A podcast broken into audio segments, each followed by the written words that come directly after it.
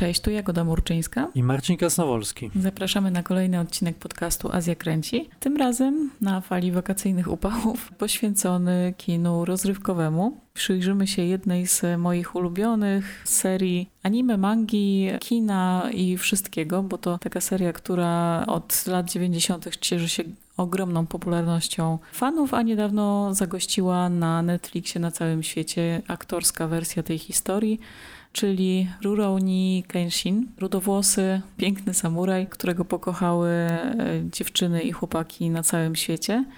Rozmawiamy o tym, dlaczego ta seria cieszy się aż taką popularnością, skąd się w ogóle wzięło tyle jej odsłon i tyle różnych wariantów tej historii ale też oczywiście pokusimy się o zarysowanie jakiegoś szerszego kontekstu tego, co stało się z kinem samurajskim w ostatnich latach, bo to ciekawa historia. Kino samurajskie kiedyś budziło duże emocje wśród kinofilów na całym świecie.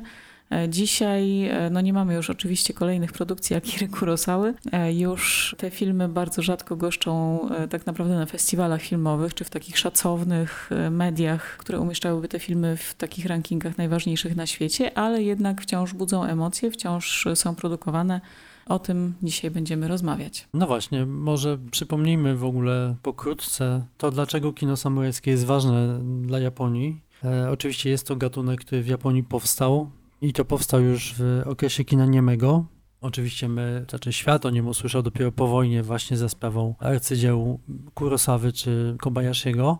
Kino samurajskie jest no, takim, można powiedzieć, lokalnym odpowiednikiem westernu albo kina Wusia. Są to historie o samurajach albo o roninach, którzy przemierzają Japonię walcząc ze złem. I już tak jak wspomniałem, kino samurajskie istniało już w czasach kina niemego, ale wówczas te opowieści skupiały się przede wszystkim na psychologii postaci. Po wojnie ci wielcy mistrzowie kina japońskiego e, zaczęli mocniej się skupiać na sekwencjach, można powiedzieć, akcji.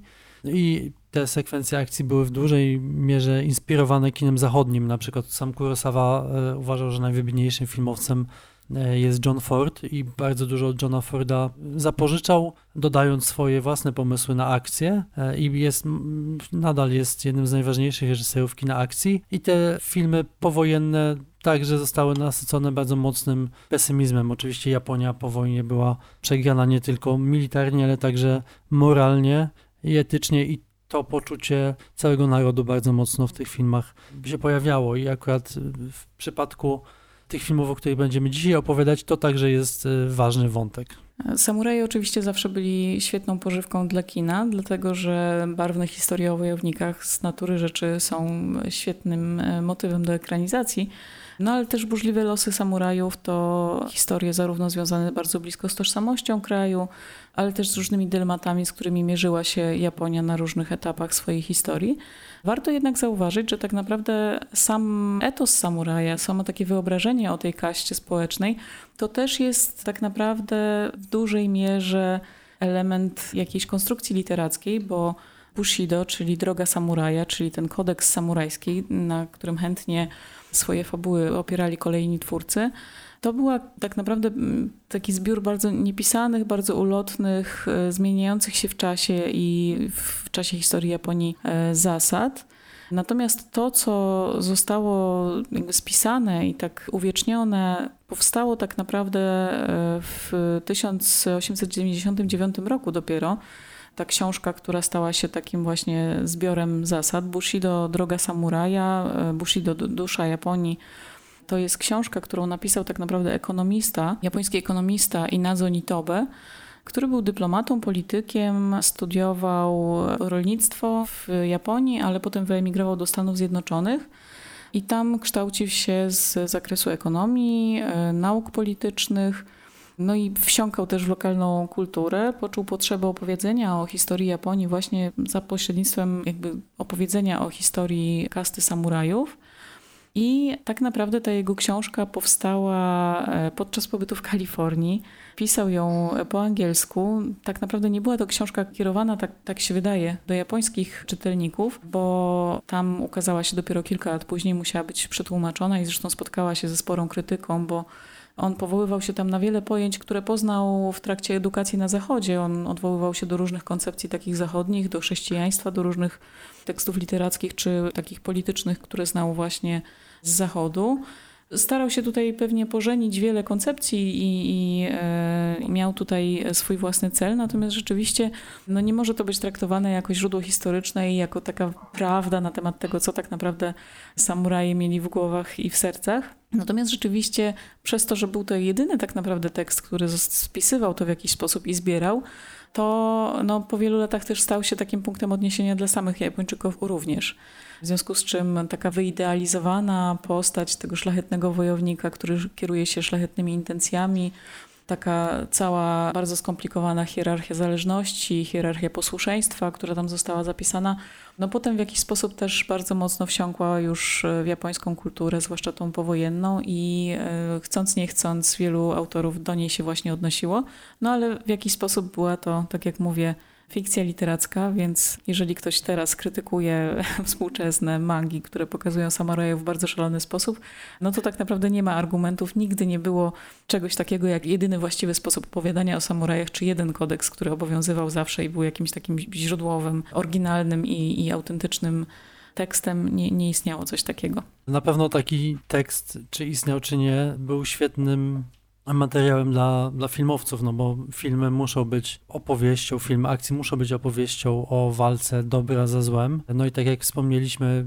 film samurajski ma swoje odpowiedniki w innych krajach, w innych kulturach i one też są właśnie opowieścią o walce dobra ze złem i czynią bohaterów z wojowników, z chińskich wojowników, czy też po prostu z kowbojów na dzikim zachodzie którzy też pewnie takim kodeksem się nie kierowali. No tutaj warto zauważyć, że kino samurajskie było Będziemy zaraz mówić o popkulturze, czyli o tym, w jaki sposób kino samurajskie przeniknęło do, do i do anime. To jest wielki oczywiście temat i wielki, wielki dział popkultury japońskiej. Natomiast e, no, te wpływy na przykład kina zachodniego były widzialne już w kinie samurajskim w latach dwudziestych.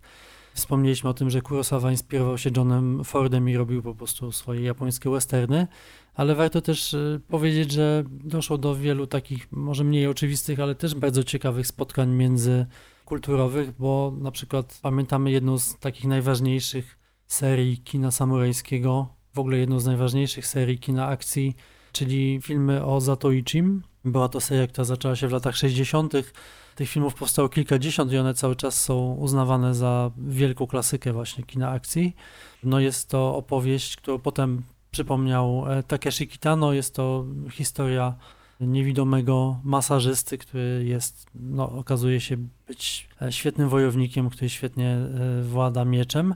No i te kolejne filmy, część z nich mm, jest bardzo ciekawa, na przykład w filmie Zatoichi i Yojimbo. Zatoichi spotyka bohatera, którego grał Toshiro Mifune w Starze Przybocznej Kurosawy i ten bohater w filmie Zatoichi i Yojimbo także grany jest przez to Mifune, także to jest ciekawe spotkanie dwóch y, światów, jeżeli chodzi w obrębie kina japońskiego, ale jedna z kolejnych części Zatoichi miała tytuł Zatoichi spotyka jednorękiego szermierza i to z kolei jest połączenie japońskiej serii filmów o Zatoichim z hongkońską serią filmów o jednorękim szermierzu. Była to seria produkowana przez legendarne studio Shaw Brothers, taka bardzo kolorowa, bardzo, bardzo popularna, świetnie zresztą realizowana seria, e, no tak, filmów Wusia, więc no widać, że ta popkultura japońska już w latach 60. istniała i to jest ciekawe. Oczywiście to, co się potem stało z kinem samurajskim, to już jest zupełnie inna historia i faktycznie ono w ostatnich dekadach bardzo, bardzo się zmieniło. No teraz to kino samurajskie jest już zupełnie inne i można powiedzieć, przeszliśmy raczej od takiego poważnego obrazowania do obrazowania znacznie bardziej popkulturowego. Tak, taki przełom nastąpił pewnie w okolicach lat 90. czy wczesnych 2000., kiedy rzeczywiście popkultura zaczęła wpuszczać do, do tego samurajskiego, bardzo poważnego gatunku dużo szalonych interpretacji, dużo też takich bohaterów z pogranicza, którzy nie mieścili się wcześniej może w gronie takich pożądanych bohaterów, no ale też e, pojawiła się większa inkluzywność. Wspomniałeś tutaj o Zatoichim, e, no to pojawił się też na przykład e, film Ichi opowiadający o dziewczynie, która jest niewidomą wojowniczką. Bardzo zresztą wdzięczna fabuła. No ale tak naprawdę największe pole do popisu przyniósł gatunek samurajski w nałamach mang i anime, no bo oczywiście z samej swojej natury one pozwalają na przeróżne szalone reinterpretacje. Mieliśmy więc cykle takie, które przenosiły e, samurajów w przyszłość daleką. Mieliśmy e, samuraje połączone z konwencją filmów o wampirach. To taki serial e, Kurodzuka na przykład się pojawił. Ten science fiction, na przykład e, Samurai Seven, to właśnie film, który, jak można się domyśleć, nawiązuje do filmu Siedmiu Samurajów, ale jest osadzony w, w świecie futurystycznym, w świecie przyszłości, który jest takim światem na granicy wymarcia, też dosyć ciekawy koncept cała masa tych przeróżnych takich wariacji na temat tego, jak może wyglądać etos samurajski w różnych światach, w różnych krainach. Jednym z naszych ulubionych chyba Samurai Champloo to oczywiście postmodernistyczne anime, które łączy tą konwencję z hip-hopem. I e, no, Rurouni Kenshin, o którym zaraz będziemy więcej mówić, też był częścią takiego nurtu, odświeżania trochę tej konwencji. E, no samo to, że pojawia się główny bohater ma e, potężną, rudą czuprynę, już sygnalizuje, że nie jesteśmy do końca w Japonii w XIX wieku ale faktycznie jest to taka saga, która no, przyniosła swoim twórcom ogromną popularność.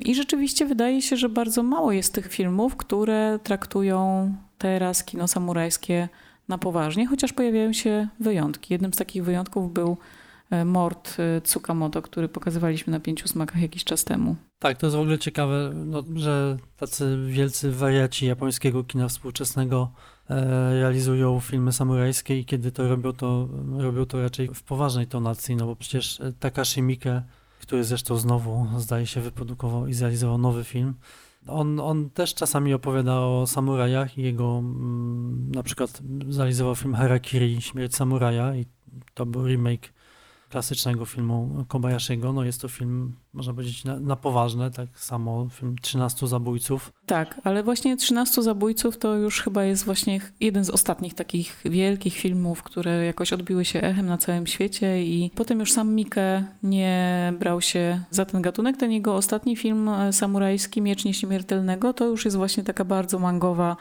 bardzo stylizowana historia, gdzie bohaterowie używają przedziwnych broni. Film ma swoich fanów, ja szczerze mówiąc nie przepadam za nim, bo właśnie to przerysowanie jest tam bardzo duże, a nie idzie za nim nic jakoś bardzo ciekawego, jeśli chodzi o treść czy motywację bohaterów, więc jakoś on mocno podzielił widownię, ale nie, nie było to wielkie wydarzenie w kinie japońskim ostatnich lat. No tak, nam się zdarza, przygotowując program festiwalu, zdarza nam się czasami oglądać jakieś filmy samurajskie, ale faktycznie, jeżeli są one robione na poważnie i próbują jakoś nawiązać do tego klasycznego kina, to nie są to tytuły wybitne. Do tego stopnia, że nie jestem w stanie przywołać żadnego ważnego tytułu, więc faktycznie Dużo się tutaj zmieniło. E, zwłaszcza, że no jak y, wiele tego typu tematów we współczesnym kinie, no kino samurajskie jako to, które idealizuje honor wojowników i opowiada o takich różnych związanych z tożsamością narodu kwestiach, no, no stało się też taką pożywką dla przeróżnych nacjonalistycznych treści i te filmy, które są dzisiaj realizowane, często mają takie dość podejrzane przesłanie ideologiczne, gloryfikują Japonię jako taki kraj właśnie wyróżniający się od innych, bardzo jednolity etnicznie. Takie no, nie, nie, nieciekawe treści związane też z, z władzą, z podległością. No, ale większość tych produkcji rzeczywiście nie trafia na zagraniczne rynki, w przeciwieństwie właśnie do ekranizacji anime, które starają się tutaj rozpuszczać pewne tematy i znów tutaj Kenshin, wrócimy do tego jeszcze za chwilę, jest e, pewnym wyjątkiem. No właśnie, może przejdźmy teraz w ogóle do, do, tej, do tego, skąd Kenshin się wziął i dlaczego e, stał się jedną z najlepiej sprzedających się w ogóle mang w historii Japonii. Tutaj e, należy zaznaczyć, robią to wszystkie, wszyscy, którzy obecnie e, piszą i mówią o Kenshinie, to to jest to dosyć wstrząsająca i smutna informacja, że twórca właśnie tej oryginalnej mangi Nabuhiro Watsuki został trzy lata temu aresztowany pod zarzutem posiadania pornografii dziecięcej, więc ostrzega się że zakup jego prac może na przykład e, w jakiś sposób, znaczy, że on cały czas dostaje tantiemy za te prace, więc raczej poleca się nie kupować tych, tych mang, a na przykład oglądać filmy, w przypadku których raczej te tantiemy nie obowiązują. Ale tak, zaczęło się w latach 90. od, od mang, które zostały wydane w 28 tomach. Tak, to była seria ukazująca się od 94 roku przez pięć kolejnych lat. 28 tomów, które dzieliły tą historię na takie trzy duże segmenty. Potem zostały one wydane jeszcze w takiej specjalnej 22-tomowej edycji, już jako takie spójne dzieło, i była to rzeczywiście jedna z najlepiej sprzedających się mang w historii. Sama się do tego dołożyłam, bo to właśnie jeden z pierwszych takich tytułów, z którymi w ogóle e, miałam okazję się zapoznawać z tym gatunkiem japońskiej kultury. No ale to jak to bywa właśnie w japońskiej, na japońskim rynku, to nie jest tak, że jak manga odniesie sukces, to na tym się kończy. Pojawiło się zaraz kilka epizodów specjalnych tej e, historii. Wydrukowano dwie encyklopedie, mini powieści, to są też takie specyficzne japońskie formy, e, właśnie już bardziej e, nie, nie rysowane, bardziej pisane, ale wciąż bardzo blisko związane z mangową historią. No oczywiście zrealizowano serię anime, 95 odcinków, też bardzo, bardzo popularna seria, świetnie zrealizowana, rzeczywiście pięknie, pięknie animowana. I w 97 roku powstał pierwszy pełnometrażowy film anime, już na początku lat 2000 pojawiło się kilka OVA, czyli tak zwanych Original Video Animation. To są anime pełnometrażowe, ale wydawane bezpośrednio na rynek wideo, bez dystrybucji kinowej. I to są zwykle takie dłuższe odcinki, 30 minut, czasami dłuższe i tych też kilka w przypadku Rurouni Genshina się pojawiło. Oczywiście gry wideo, ale także adaptacje sceniczne, e, musicale, w tym teatru Takarazuka. To jest bardzo specyficzny teatr, w którym bohaterów wcielają się wyłącznie kobiety. No i potem od 2012 roku filmy już aktorskie. Przy czym trzeba zwrócić uwagę, pierwsze trzy to jest taka trylogia, którą ogląda się tak według numerków, jakimi są ponumerowane. No a w ubiegłym roku mieliśmy wielką premierę dwóch części kolejnych, czyli Rurouni Kenshin The Final i Rurouni Kenshin The Beginning. Przy czym e, to jakby final jest czwartą częścią, a The Beginning jest piątą, ostatnią.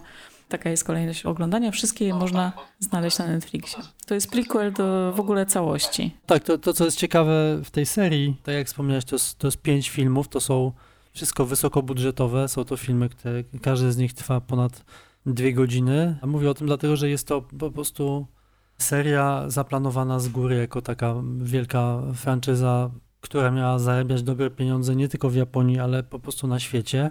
Dystrybucją zajął się Warner Bros., czyli poważna firma, która właśnie ma możliwości wysyłać te filmy do kin na całym świecie.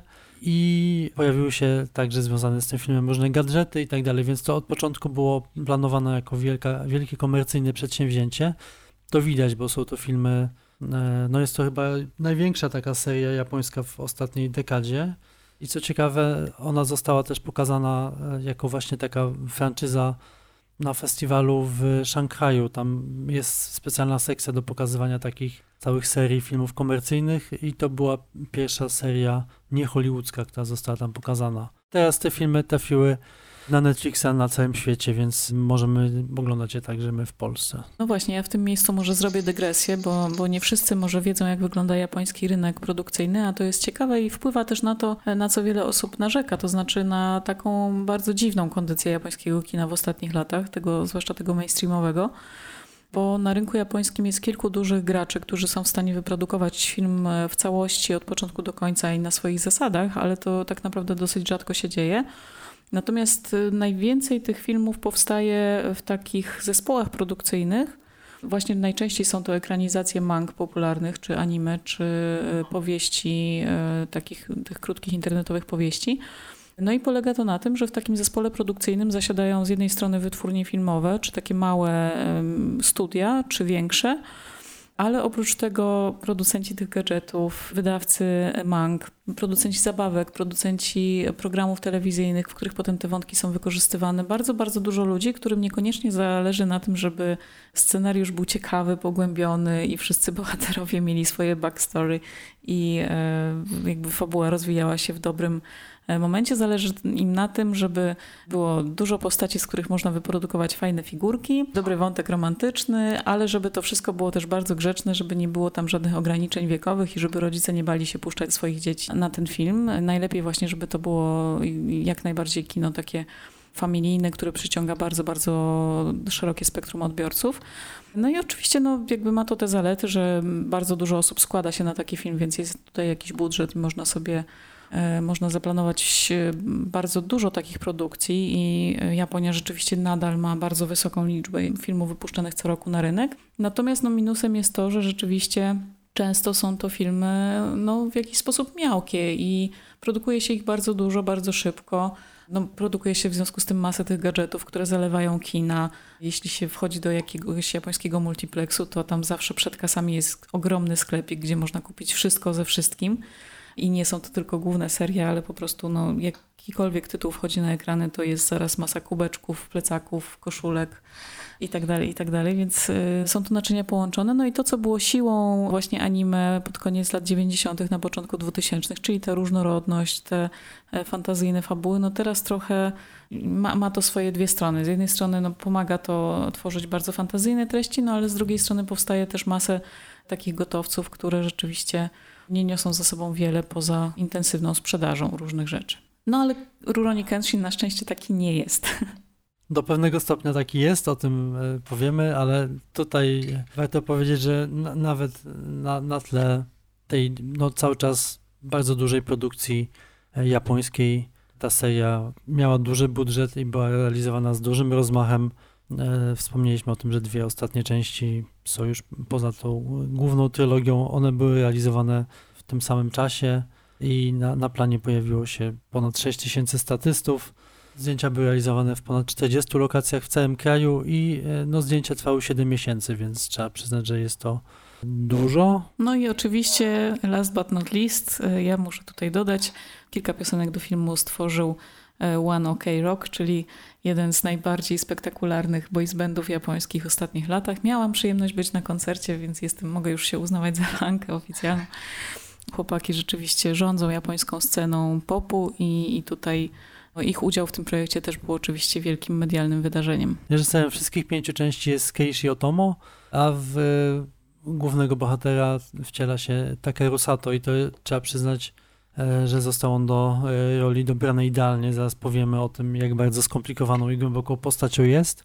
I no, trzeba przyznać, że sprawdza się zarówno w tych sekwencjach dramatycznych, i w scenach akcji, bo to wcale nie jest oczywiste, a on tutaj jakby daje radę i łączy, można powiedzieć, ma takie dwie twarze, to, to, jest, to jest ciekawe, bardzo ciekawa postać. Z tego co wiem, jest to postać wzorowana na, na, na, prawdziwej postaci. Zdaje się, że ty wiesz o tym więcej. Tak, mówi się o tym, że, że pierwowzorem bohatera był e, prawdziwy samuraj Kawakami Gensai, który urodził się w 1832 roku. E, no i był taką postacią, która jednocześnie była bardzo wykształcona. On wychował się w, jako adoptowany członek swojej rodziny. E, bardzo dużo się uczył i bardzo też dużo czasu poświęcał treningom, więc e, świetnie władał mieczem. Jego żona, którą potem poślubił, była również taką dziewczyną bardzo biegle władającą kataną. I jest to taka postać, która rzeczywiście była mm, słynie z tego, że w jakiś sposób porzuciła drogę miecza na rzecz e, takiej drogi pokoju. No on też walczył w imieniu cesarza po to, żeby wprowadzić tą, tego ducha modernizacji do Japonii. E, no on skończył znacznie gorzej niż bohater naszego filmu.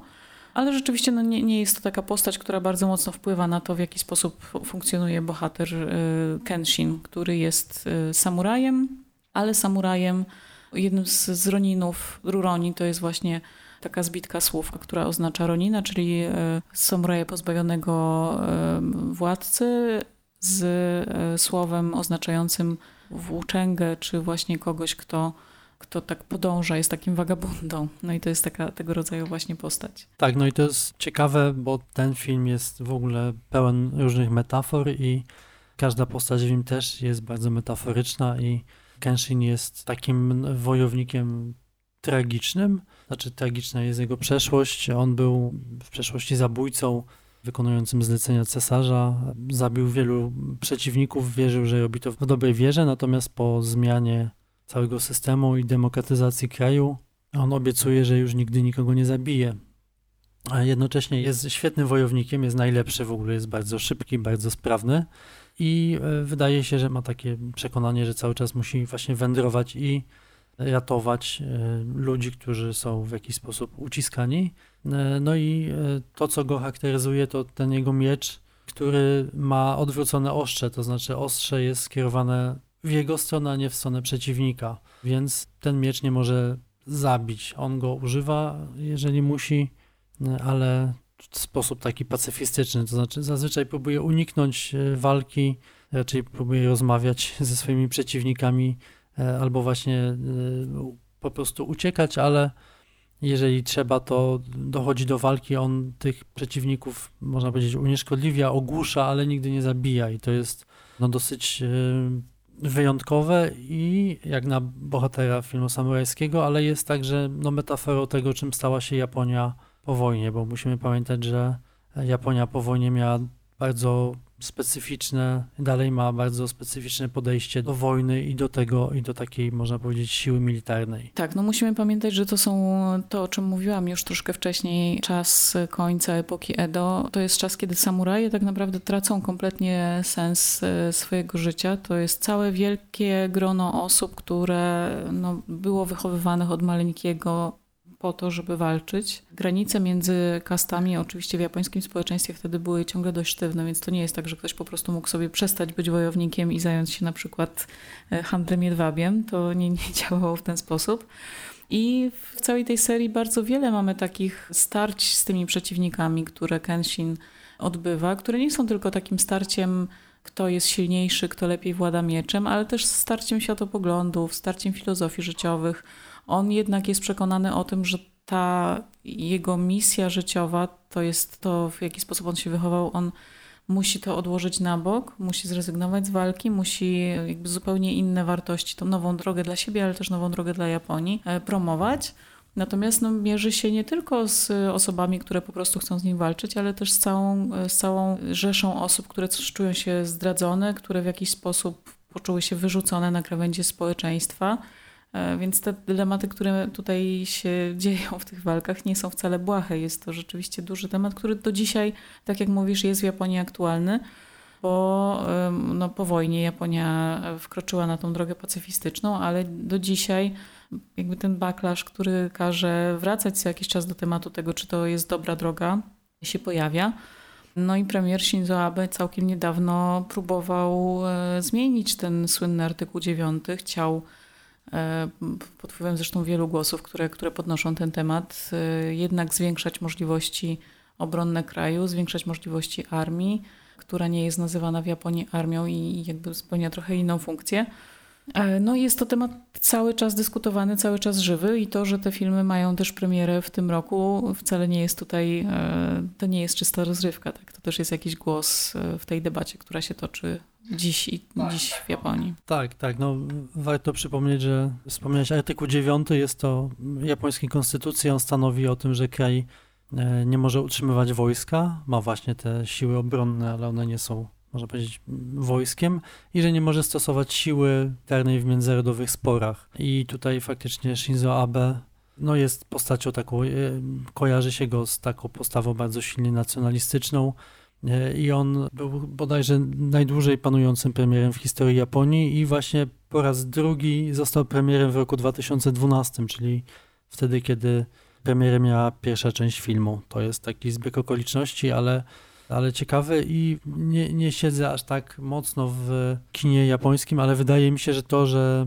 że Kenshin ma takie pacyfistyczne przesłanie i ten jego bohater jest taką postacią, która no, walczy, ale nie używa właśnie, nie zabija, to jest rzadkie stanowisko w japońskiej e, popkulturze. Znaczy ona jest raczej chyba zanurzona w bardziej takich e, nacjonalistycznych czy narodowych sentymentach. No Japonia jest podzielona, tak jak wiele krajów dzisiaj i, i to widać także w filmach, widać to także w popkulturze. Wiele pojawia się tych krytycznych głosów i cały czas próbuje się nawet ten wspomniany mord Tsukamoto który jest oczywiście bardzo niezależnym twórcą, który działa poza wielkimi wytwórniami. On też przypominał, jak dramatycznie ciężki jest los kogoś, kto jest uwikłany w wojnę i Jakby on też bardzo ostro mm, się wypowiada o tym, jak wojna jest druzgocząca dla, dla człowieka i jak bardzo takie przemocowe i agresywne nastawienie niszczy wszystkich, których dotyczy. Ale rzeczywiście ten główny nurt albo unika tematu, bo tak jak mówię, jest dosyć zachowawczy, no to kino jest takie bardzo, bardzo poprawne. No ale też popkultura jest podzielona, wiele jest takich głosów mm, po jednej, po drugiej stronie. No i jest to temat tak naprawdę na zupełnie inną debatę. Ale e, wracając trochę do samego Rurouni Kenshina, co w ogóle się stało, że on e, rzeczywiście odniósł taki sukces? Bo to tak naprawdę była manga, która była publikowana e, w Shonen Jump, czyli to jest taki magazyn kierowany do nastoletnich chłopców. A jak Państwo słyszą, mówimy tutaj teraz o naprawdę poważnym kalibrze tematów. I to jest bardzo ciekawe, że rzeczywiście ta seria się tak rozwijała od takich bardzo zawadiackich przygód tego nietypowego samuraja, który był takim właśnie włóczykijem, rebeliantem z mroczną przeszłością.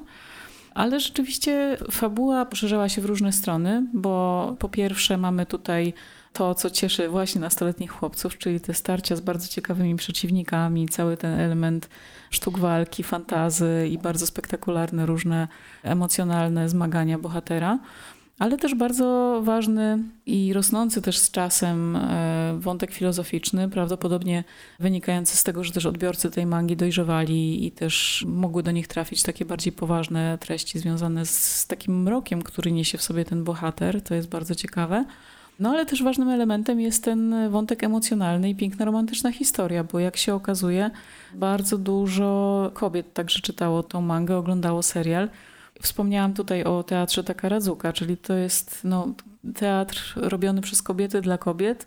Jeżeli ta historia tam się znalazła, świadczy o tym, że było cała e, ogromna masa fanek, która chciała oglądać tą historię także na, tym, na tej scenie kierowanej właśnie w ten sposób do nich. To, to jest bardzo ciekawe, że to właśnie z Shonen Jump do Takarazuki, no genderowo jest to, jest to dość fascynująca historia. Ale rzeczywiście no, myślę, że tym, co decyduje e, o świetnym aktorstwie, o którym już wspomniałeś i właśnie o tym, że ta fabuła jest taka nośna. Są to ciekawe dylematy etyczne i, i ta tragiczna historia głównego bohatera.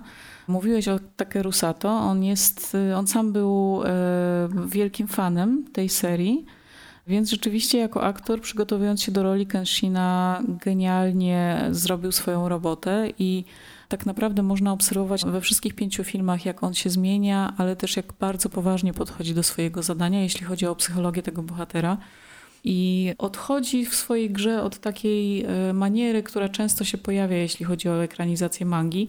Bo często jest tak niestety, że w wielu produkcjach to się pojawia, że aktorzy, jeżeli mają grać mangowe postaci, to też grają w taki sposób szalenie przerysowany, E, no jest to pewnego rodzaju konwencja, ale musi za nią coś jeszcze jednak iść i jakaś taka praca wewnętrzna się dokonywać, bo jeżeli tego nie ma, to kończy się na głośnych okrzykach i robieniu jakichś dziwnych min i, e, i wielkich oczu. Tutaj rzeczywiście udało mu się z jednej strony uchwycić tą lekkość, taką zaczepność swojego bohatera, który jest rzeczywiście takim chłopcem, który nie miał dzieciństwa, więc ma taki element właśnie taki chłopięcy, jakby zabawny, robi te swoje żarty, jest, jest, ma, ma tą taką iskrę. A z drugiej strony ma ten cień w smutnych oczach, uśmiecha się często połową twarzy. Widać to znawcy. Ja aż tak e, nie, nie zwróciłabym chyba sama na to uwagi, ale kiedy czytałam analizę tych e, scen akcji fascynujących, to też wiele osób zwracało uwagę na to, jak on się porusza w ogóle, że to jest jakby z jednej strony jest niesamowicie zwinny, zręczny, szybki, a równocześnie cały czas czuć ten ciężar, jaki on niesie na swoich barkach. Bardzo to jest ciekawe i myślę, że ta gra aktorska na przestrzeni tych pięciu filmów to jest materiał na jakąś świetną analizę e, właśnie pod kątem aktorstwa. Tak, wspomniałeś o tym, że nastoletni chłopcy najbardziej się cieszą z sekwencji e, walk w tej serii. Nie tylko nastoletni chłopcy, dla mnie też te sekwencje były zdecydowanie najciekawsze z całej, tak, z całej serii, dlatego że są to sekwencje akcji absolutnie olśniewające. Ja przyznam, że nie wiem jak to się stało, ale w ogóle wcześniej ominęły mnie te jakby informacje o tym, że one są tak znakomicie e, zrobione i oglądanie tych filmów było dla mnie dużym zaskoczeniem na, na plus, dlatego że chyba wyznaczają w ogóle nowy poziom realizacji scen walk, scen kina samurajskiego w, w filmach japońskich. I e, no, są, są znakomite, są no, bardzo soczyście zrealizowane, świetnie zmontowane, bardzo dynamiczne i bardzo też krwawe, bo o ile nasz Kenshin nikogo nie zabija, to jednak jego przeciwnicy zabijają tuziny niewinnych często ludzi, więc to wszystko jest inscenowane znakomicie i też widać w tych sekwencjach walk widać mangowe pochodzenie w ogóle tej historii, dlatego że sami ci antagoniści są tacy bardzo wyraziści, bardzo demoniczni, oni są bardzo fajnie pokazani. Tak, ich kostiumy, fryzury, te wszystkie gadżety, które oni mają, no to jest świetna zabawa naprawdę, śledzenie tego Dokładnie, mają, nie, tak, no to jest bardzo właśnie, nie chcę tutaj użyć tego słowa, ale tak, komiksowe. Mają wielkie miecze, jakąś broń maszynową, latają balonami nad Tokio, zrzucają z tych balonów bomby, żeby zniszczyć miasto. No nie, niesamowite. I to, ale to wszystko jest zrobione z dużym wyczuciem i to, to nie są sekwencje, jakby to powiedzieć, one są takie właśnie bardzo krwawe i posępne miejscami. Tutaj warto e, zauważyć, że tymi sekwencjami zachwycał się nawet e, Gareth Evans, czyli e, reżyser dwóch części Raidu, tego indonezyjskiego dyptyku, jednego z najbardziej takich brutalnych filmów akcji ostatnich lat, więc nawet Evans się zachwycał Kenshinem. I no tak, może nic, nic z tym dziwnego, dlatego że za, za te wszystkie sekwencje walk odpowiadał Kenji Tanigaki, który jest y, w swojej branży bardzo doświadczonym twórcą. On pracował wcześniej przez lata w Hollywood, pracował w Hongkongu, Jackie Chanem, y, a teraz realizuje takie największe chińskie blockbustery, także jest doświadczony i trzeba przyznać, że świetnie przeniósł właśnie te, te sceny walk z Mank na, na wielki ekran. To jest coś, co naprawdę jest wartością samą w sobie i przez te sekwencje cała ta seria jest zdecydowanie obowiązkowa dla wszystkich, którzy interesują się kinem akcji i tym, jak te sceny walk ewoluują w kinie. Tak, bo tutaj mamy z jednej strony taką klasyczną walkę na miecze i to, co takie najpiękniejsze, najbardziej spektakularne w tym klasycznym kinie samurajskim, ale też taki bardzo dynamiczny sposób opowiadania w stylu wręcz takim nie wiem, deskorolkowym czy parkour. Tam Kenshin bardzo lubi biegać po dachach w mandze, no i w kinie robi to samo. No i to, co mówisz o, o właśnie elementach hongkońskiego kina akcji, no ale oczywiście też nie skończę zachwytów nad Takeru Sato, który jest sam e, biegły w sztukach walki. I jemu i reżyserowi też zależało na tym, żeby te starcia były realistyczne i nie używali tam e, pomocy kaskaderów czy dublerów. A to jego zadanie jest wyjątkowo trudne, no bo to, co definiuje tego bohatera na, na kartach komiksu, jest to, że on potrafi walczyć z wieloma przeciwnikami jednocześnie, więc aktor miał również szalenie trudne zadanie. Zwłaszcza, że często też te sceny akcji są kręcone w jednym ujęciu, więc no, rzeczywiście daje to taki bardzo efekt jak z anime. To wszystko jest takie płynne i, i bardzo emocjonalne, bardzo takie nasycone, ale wymaga to niebywałych umiejętności, więc tam rzeczywiście te umiejętności wszystkich aktorów, którzy biorą w tym udział, są niesamowicie spektakularne. No jedyny mój chyba taki poważniejszy zarzut jest to, że y, to, co zestarzało się w tej mandze, w tej oryginalnej historii, jest to, że jednak no, mamy tutaj świetne aktorki, a one nie do końca mają co grać i i to, że jedna z głównych bohaterek jest jakby głową dojo, czyli miejsca, w którym można się uczyć sztuk walki, jest, jest tak naprawdę taką głową e, tego miejsca i no, nie ma tak naprawdę szans popisać się swoimi e, umiejętnościami. Trochę nie jest to postać niewykorzystana. Szkoda, bo rzeczywiście tutaj można by było wyciągnąć z tych, z tych bohaterek coś naprawdę ciekawego, zwłaszcza, że właśnie e, aktorki, które je grają są fenomenalne i, i trochę tutaj brakuje im materiału do grania. E, ale to, to jeden z niewielu elementów, który rzeczywiście widać, że trochę już trąci myszką. Natomiast no to też e, to, że są tam pewne zmiany w stosunku do oryginału, natomiast rzeczywiście ta historia jest na tyle dobrze napisana, że nie ma tutaj takiego efektu, że sequel i kolejne części są słabsze czy jakoś nie dorównują bo, bo cała historia jest spójna od początku do końca i, i te wątki rozwijają się bardzo ciekawie. E, no, ostatnia część serii, czyli The Beginning, e, prequel do, do całości, też wyjaśnia wiele z psychologii głównego bohatera. To jest historia tego, skąd pojawiły się jego charakterystyczne blizny na policzku. Bardzo właśnie melodramatyczna już i bardzo, bardzo mroczna historia. Bardzo też etycznie ciekawa warto rzeczywiście sięgnąć e, po cały ten cykl.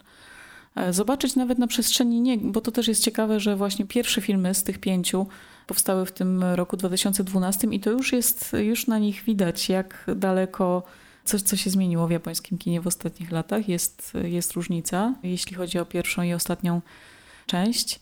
No ale to też rzeczywiście bardzo, bardzo wyjątkowa produkcja i długo nie było czegoś takiego i myślę, że też na horyzoncie nie widać, żeby, żebyśmy mieli e, do czynienia z tak rozbudowanym światem, z tak, z tak ciekawymi bohaterami. Szkoda, żeby to przeszło bez echa. No tak, mm, dokładnie, bo jest to, można powiedzieć, dla każdego coś miłego. E, jeżeli więc jesteście fanami kina e, samurajskiego albo po prostu kina akcji, dla mnie to jest to, co było w tej całej serii najbardziej wartościowe zdecydowanie, ale faktycznie ten to backstory bohatera też jest bardzo poruszające, dramatyczne i bardzo ciekawe, jeżeli się właśnie y, pomyśli o tym, o tej metaforze Japonii jako państwa pacyfistycznego. Także polecamy, bo jest to zdecydowanie y, duże kino i jeżeli, no tak, znajomość tej sagi jest absolutnie konieczna, jeżeli chcecie zrozumieć współczesne kino japońskie. Myślę, że to świetny pomysł na letnie seanse. A my zapraszamy oczywiście do słuchania Azja Kręci i zapraszamy za dwa tygodnie na kolejny odcinek. Do usłyszenia. Do usłyszenia, dziękujemy.